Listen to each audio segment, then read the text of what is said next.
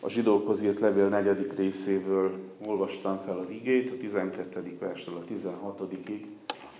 Ez a zsidókhoz írt levélnek az egyik gyöngyszeme. Szeretjük idézni is, jobban ismerjük, mint általában az egész levelet, ezt a szakaszt, meg van még néhány, amit örömmel és szívesen idézünk a zsidókhoz írt levélből, ott a 11. résznél, a hithősöknél, aztán a 12. részből, és amit mindig elmondunk, az a 13. rész 8. verse, Jézus Krisztus tegnap és ma is mindörökké ugyanaz. Szóval szeretjük idézni az igéket, amiket valahogy rögzítettünk a szívünkbe, de ez az egész levél, ahogy már említve volt többször, azért íródott, hogy bátorítson olyan keresztényeket, akik bár nagy lendülettel kezdték a hívő életet, és amikor kezdték, már akkor problémák voltak, mert üldözték őket, elkobozták a vagyonukat, börtönbe zárták őket, de mégis az elején örömmel tették ezt. És aztán túl hosszúra nyúlt a megpróbáltatás, és egyszer csak belefáradtak, mert bele lehet fáradni a próbákba, a bajokba, a fizikai és lelki szenvedésekbe, a nélkülözésbe bele lehet fáradni. Úgy belegondoltam a héten is abba, hogy és ma reggel is megnéztem egy rövid videót egy eltakart arcú keresztényel, aki Afganisztánból nyilatkozik, aki érdekes módon nem arról beszélt, hogy belefáradt, hanem arról beszélt, hogy tudja, hogy meg fog halni. És tudja, hogy rövid, már rövidre szabott az élet. Ez egy gyülekezetvezető volt, aki nyilatkozott. Egy 5 perces videó át tudom küldeni. De elmondja azt, hogy, hogy tudja, hogy nem lesz hiába való az áldozata. És egy olyan erős hit áradt abból a néhány szóból. Erre igyekszik a zsidókhoz itt levél írója, hogy megerősítse ezeket a meglankadt embereket, akik akik előtt esetlegesen a halál áll. Vagy ki tudja, milyen nehézségek még, de erősítse őket arra, hogy ne adják fel. Nekünk könnyű itt a nyugati világban azt mondani, testvérek, ne adjátok fel. Jó, igyekszünk, azt mondjuk erre. Igyekszünk. De amikor, amikor pár napod van a halálodig, és azon múlik az egész, hogy felad vagy ne, azért, hogy megúzd, akkor az egy kicsit másképp hangzik. Szóval bátorítás a zsidókhoz írt levél írója, és a zsidókhoz írt levél, és az író erre igyekszik. És a negyedik rész felolvasott versei egy, egy különösen erős üzenetcsomag ezeknek a bátortalan keresztényeknek.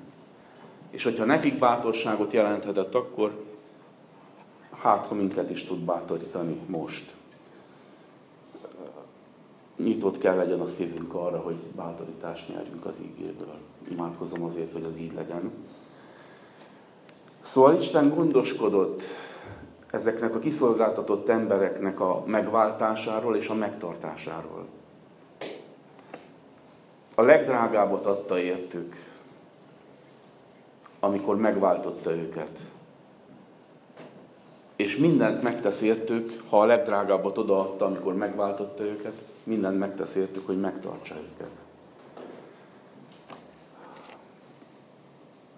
Törődik velünk, mert drágák vagyunk az ő szemében. Ezt minden időben elmondhatjuk mi, hívő emberek. Törődik velünk az Úr. Hogyan?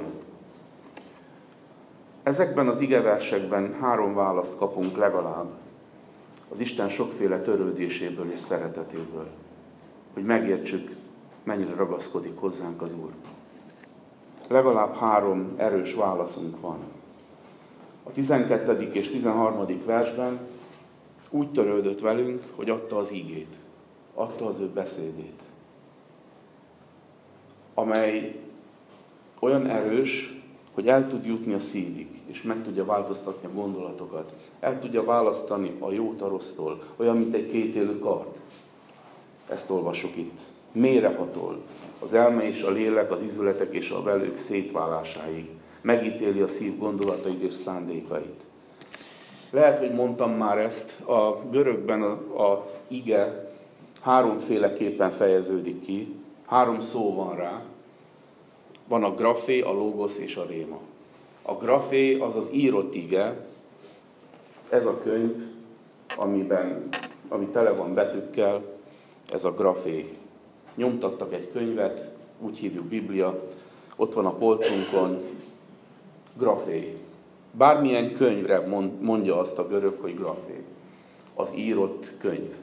A logos viszont egészen más. A logos az a tartalmi üzenete a könyvnek. Az, amiről szól a könyv. Az üzenet.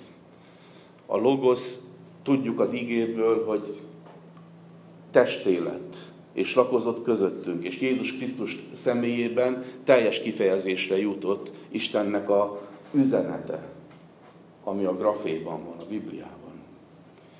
És van a réma. A réma az, az egy kicsit más. Csak néhányszor használja az új szövetség ezt a kifejezést. Az egyik előfordulás az az, amivel nemrég foglalkoztunk az Efézusi Levél 6. részében, amikor azt mondja Pálapostól, hogy a lélek kardját is vegyétek fel, ami az Isten beszéde, az Isten rémája. Ugyanezt a kifejezést használja a Szentíró Máté Evangélium a negyedik részében, a negyedik versben, amikor Jézust megkísérti a sátán a pusztában, és Jézus azt mondja, hogy meg van írva, és ott is a réma szó van. Mit jelent a réma? Mitől különbözik a logosztól és a grafétól? Abban különbözik, hogy a réma az az üzenet, ami, mint logosz, átjárta már a szívedet, ketté vágta a jót a rossztól, elválasztotta benned, megítélte benned a gondolataidat, átformálta benned a, a gondolkodásmódodat Isten szerintivé formálta, és most olyan állapotban vagy már, hogy a lélek kardja, ami az Isten beszéde, ott van a birtokodban, ott van a kezedben, és most már nem csak benned dolgozik, hanem általad dolgozik. Általad dolgozik az Isten vele, és használ téged, amikor mondod. Mert ott van egy tekintély mögötte, a megélt igének a tekintélyével rendelkezel. És ez a réma. Kívánatos, hogy ott legyen a szívünkben a réma. Az a beszéd, amelyben erő van, amely erőt hordoz, amikor mondjuk, ami isteni kijelentésé válik, kardá válik, amely jó arra, hogy az ellenség minden támadását visszaverje. Tehát az első, amivel Isten ellátott minket, miközben arról beszélünk, hogy hogyan gondoskodott Isten rólunk, a, megtartás, a megváltásunkról és a megtartásunkról. Bátorodjon fel a szívünk arra, hogy nálunk van az ige. Nem tudom, mennyi, mennyire tud fellelkesíteni minket ez a tudat. Nálad van az ige. Nem messze van tőled. Ott van a szádban és a szívedben. És amikor megszólalsz, élet árad belőle. Sőt, amikor a szívedben van, élet dolgozik benned. És olyan vál, olyanná válik a szíved, mint élő víznek folyama. Árad belőled. És ez egy kívánatos állapot. És amikor ilyen állapotban vagy, akkor megszűnik minden félelem benned. Akármi történik körülötted, akármilyen nyomás alatt vagy, megszűnik minden. Egy belső erő munkálkodik benned, ami felülemelkedik minden félelmen. Ezt akarta a szívükre helyezni hiszem, a Szentíró azoknak a megrettent, megfáradt hívőknek akkor. De vajon messze áll tőlünk a félelem és a megfáradás? Nem, ugyanolyanak vagyunk, mint azok az emberek, persze nem olyan nyomás alatt. De mégis vannak nyomások, vannak bajok, próbák. Emelkedj fölül ezeken, mert az Isten ígéje nálad van. Ne legyen a polcodon, csak legyen a szívedben, legyen a szádban, és csodákat fogsz átélni.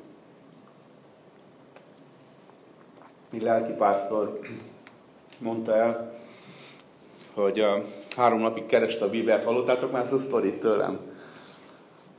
De ez egy igaz történet. Nem találta sehol. Vagyis nem a Bibliáját, bocsánat, a telefonját. Nem találta sehol. És el volt keseredve nem is annyira a telefon miatt, hanem a rengeteg adat miatt, ami a telefonban volt. Nem tudott senkit felhívni. Három napig kereste, lement az irodájába, ráborult a Bibliára, és azt mondta, Istenem, segíts, nem tudok, nincs már ötletem. És ahogy ott könyökölt a Bibliáján, elkezdett berregni a Biblia. hát mi volt? A Bibliában volt a telefonja három napig. Azonnal megszólalt a lelki ismerete. Á, te három napig nem olvastad a Bibliádat. Három napig nem olvastad a Bibliádat. Pásztor létedre azt mondod, hogy nem csak kenyire él az ember, hanem Isten minden beszédével, közben te három napig nem olvastad a Bibliádat. Mert olvastad volna, a telefonodat megtaláltad volna. Szóval a Biblia ott van. Van, akinek négy-öt fajta is van a polcán. De nem elég, ha ott van polcon. Ott kell legyen a szívedben. Ott kell legyen a szádban, az ajkadon. Ott kell legyen a kommunikációdban az emberekkel. És erre buzdít most minket is az ige, hogy ezt zárjuk a szívünkbe, ezt a 12. és 13. verset, hadd olvassam fel még egyszer, mert így kap nyomatékot, mert Isten ígéje, a logosz, élő és ható, élesebb minden kétélő karnál, mérehatol az elme és a lelke, az izületek és a velők szétválásáig, és megítéli a szív gondolatait és szándékait. Nincsen olyan teremtmény, amely rejtve volna előtte, sőt mindenki mezitelen és fedetlen az ő szeme előtt.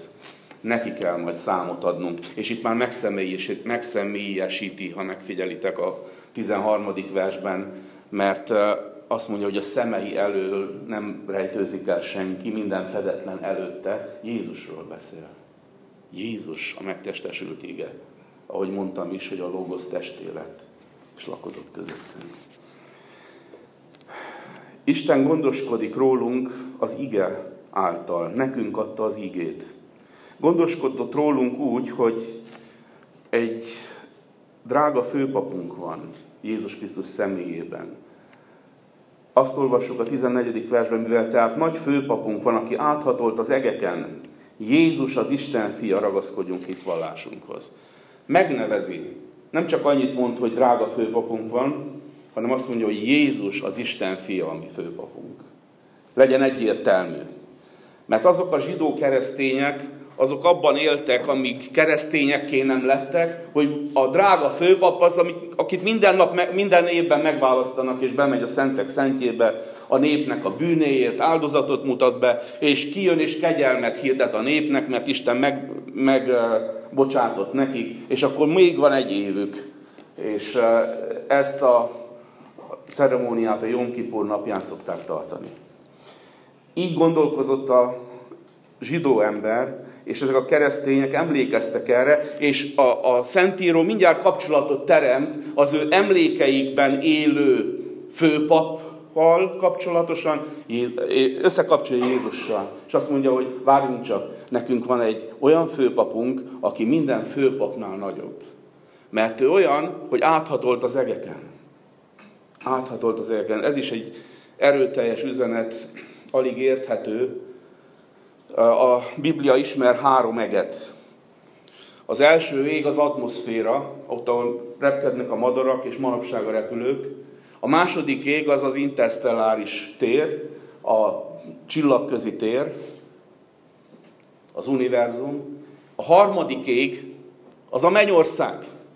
Pálapostól azt mondja a 2 Korintus 11-ben, hogy ismerek egy embert, aki a harmadik égig lett elragadva. Ez a mennyország.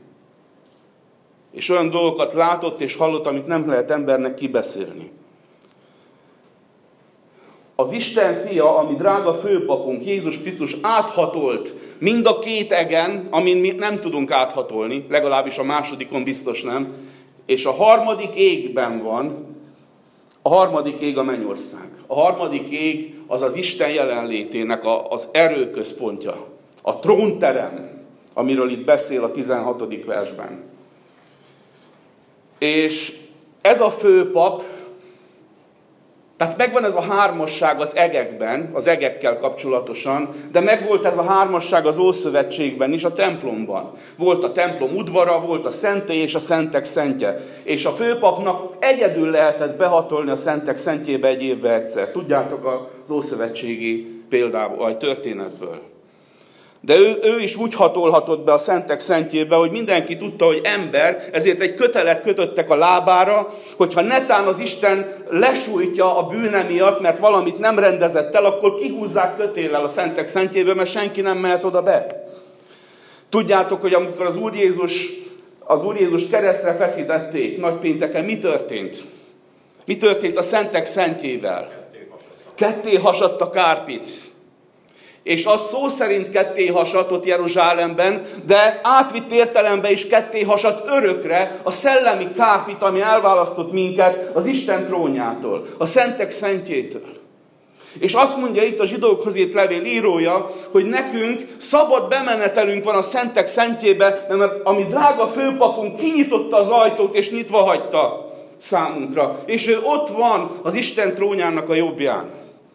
És ezért mondja tovább, hogy nem olyan főpapunk van, aki, hú, ez, ez is milyen erős üzenet.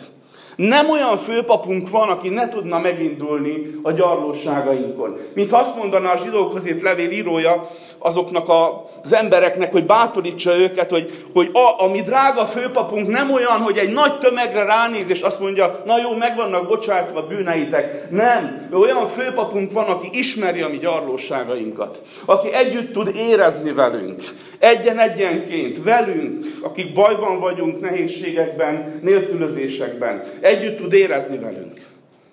Miért? Azért, mert mindenben megkísértetett hozzánk hasonlóan kivéve a bűnt. Azért, mert itt volt testben, mert az ige testé lett. Azért kellett, hogy legyen, legyen teste, hogy átélje az emberi szenvedést. Átélje a nélkülözést, a fáradtságot, a szomjúságot, az éjséget, a, a, azt, hogy folyik a vére. Azt, hogy kínlódik és vonaglik a teste. Azt, hogy vértízad a gecsemáné kertbe. Ezt mind át kellett élje. Ezek olyan emberi élmények, olyan emberi érzések, amiket az Isten nem tudott másképp átélni, csak ha testé lett. És olyan, olyan lett, mint mi. Ezért együtt tud érezni velünk. Ő feltámadt, legyőzte a halált, és ott van a, trón, a trónon, az Isten dicsőségében, a kegyelem trónjánál. Együtt tud érezni velünk. Felteheti valaki a kérdést, hogy hogy érez együtt velünk, ő sose vétkezett. Nem tudja, milyen az vétkezni. Akkor hogy érezhet együtt velünk? Megtaláltam erre a választ már régebben, és azóta dolgozik a szívemben, és mindig betölt örömmel. Valóban ő soha nem vétkezett, tehát ami bűneinknek a gyönyörűségét, amit arról azt mondja az hogy ideig, óráig való gyönyörűség, azt mondja Jakab apostol. Azt nem élte át, mert nem védkezett. De a bűneinknek a fájdalmát, a bűneink okozta keserűséget, szomorúságot, nehézségeket, lelki és testi, fizikai fájdalmait, azt mind átélte, mert az, aki bűnt nem ismert, bűnélet élhettünk. Az, aki bűnt nem ismert, Isten rárakta a világ bűneit ott a kereszten, és mindazt a fájdalmat, amit egy ember a bűne miatt él át, azt ő át kellett élje. Úgyhogy együtt tud érezni velünk. Együtt érez velünk Jézus, ami drága főpapunk.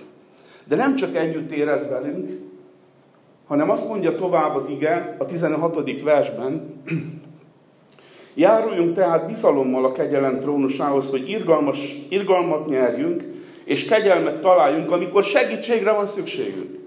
Nem csak együtt érez velünk, hanem tud is segíteni rajtunk. És arra biztat minket, hogy járuljunk bizalommal a kegyelem királyi székéhez. Hogyan járuljunk bizalommal a kegyelem királyi székéhez? Mit kaptunk Istentől, amin keresztül járulhatunk egyáltalán oda? Tehát kaptuk az igét, kaptuk a mi drága főpapunkat. Kaptunk egy nyitott ajtót a mennybe, amit ő nyitott ki az ő halála és feltámadása által, és kaptuk az imádságot, az imában rejlő erőt. Azt mondja, hogy járuljatok oda a kegyelem királyi székéhez. Hogyan járuljunk oda? Hát úgy járuljunk oda, hogy amikor elkezdesz imádkozni, akkor a Szentlélek, Pálapostól mondja ezt a római levél 8. Eh, részben, úgy ahogy, tud, úgy, ahogy kellene imádkozni, nem tudunk.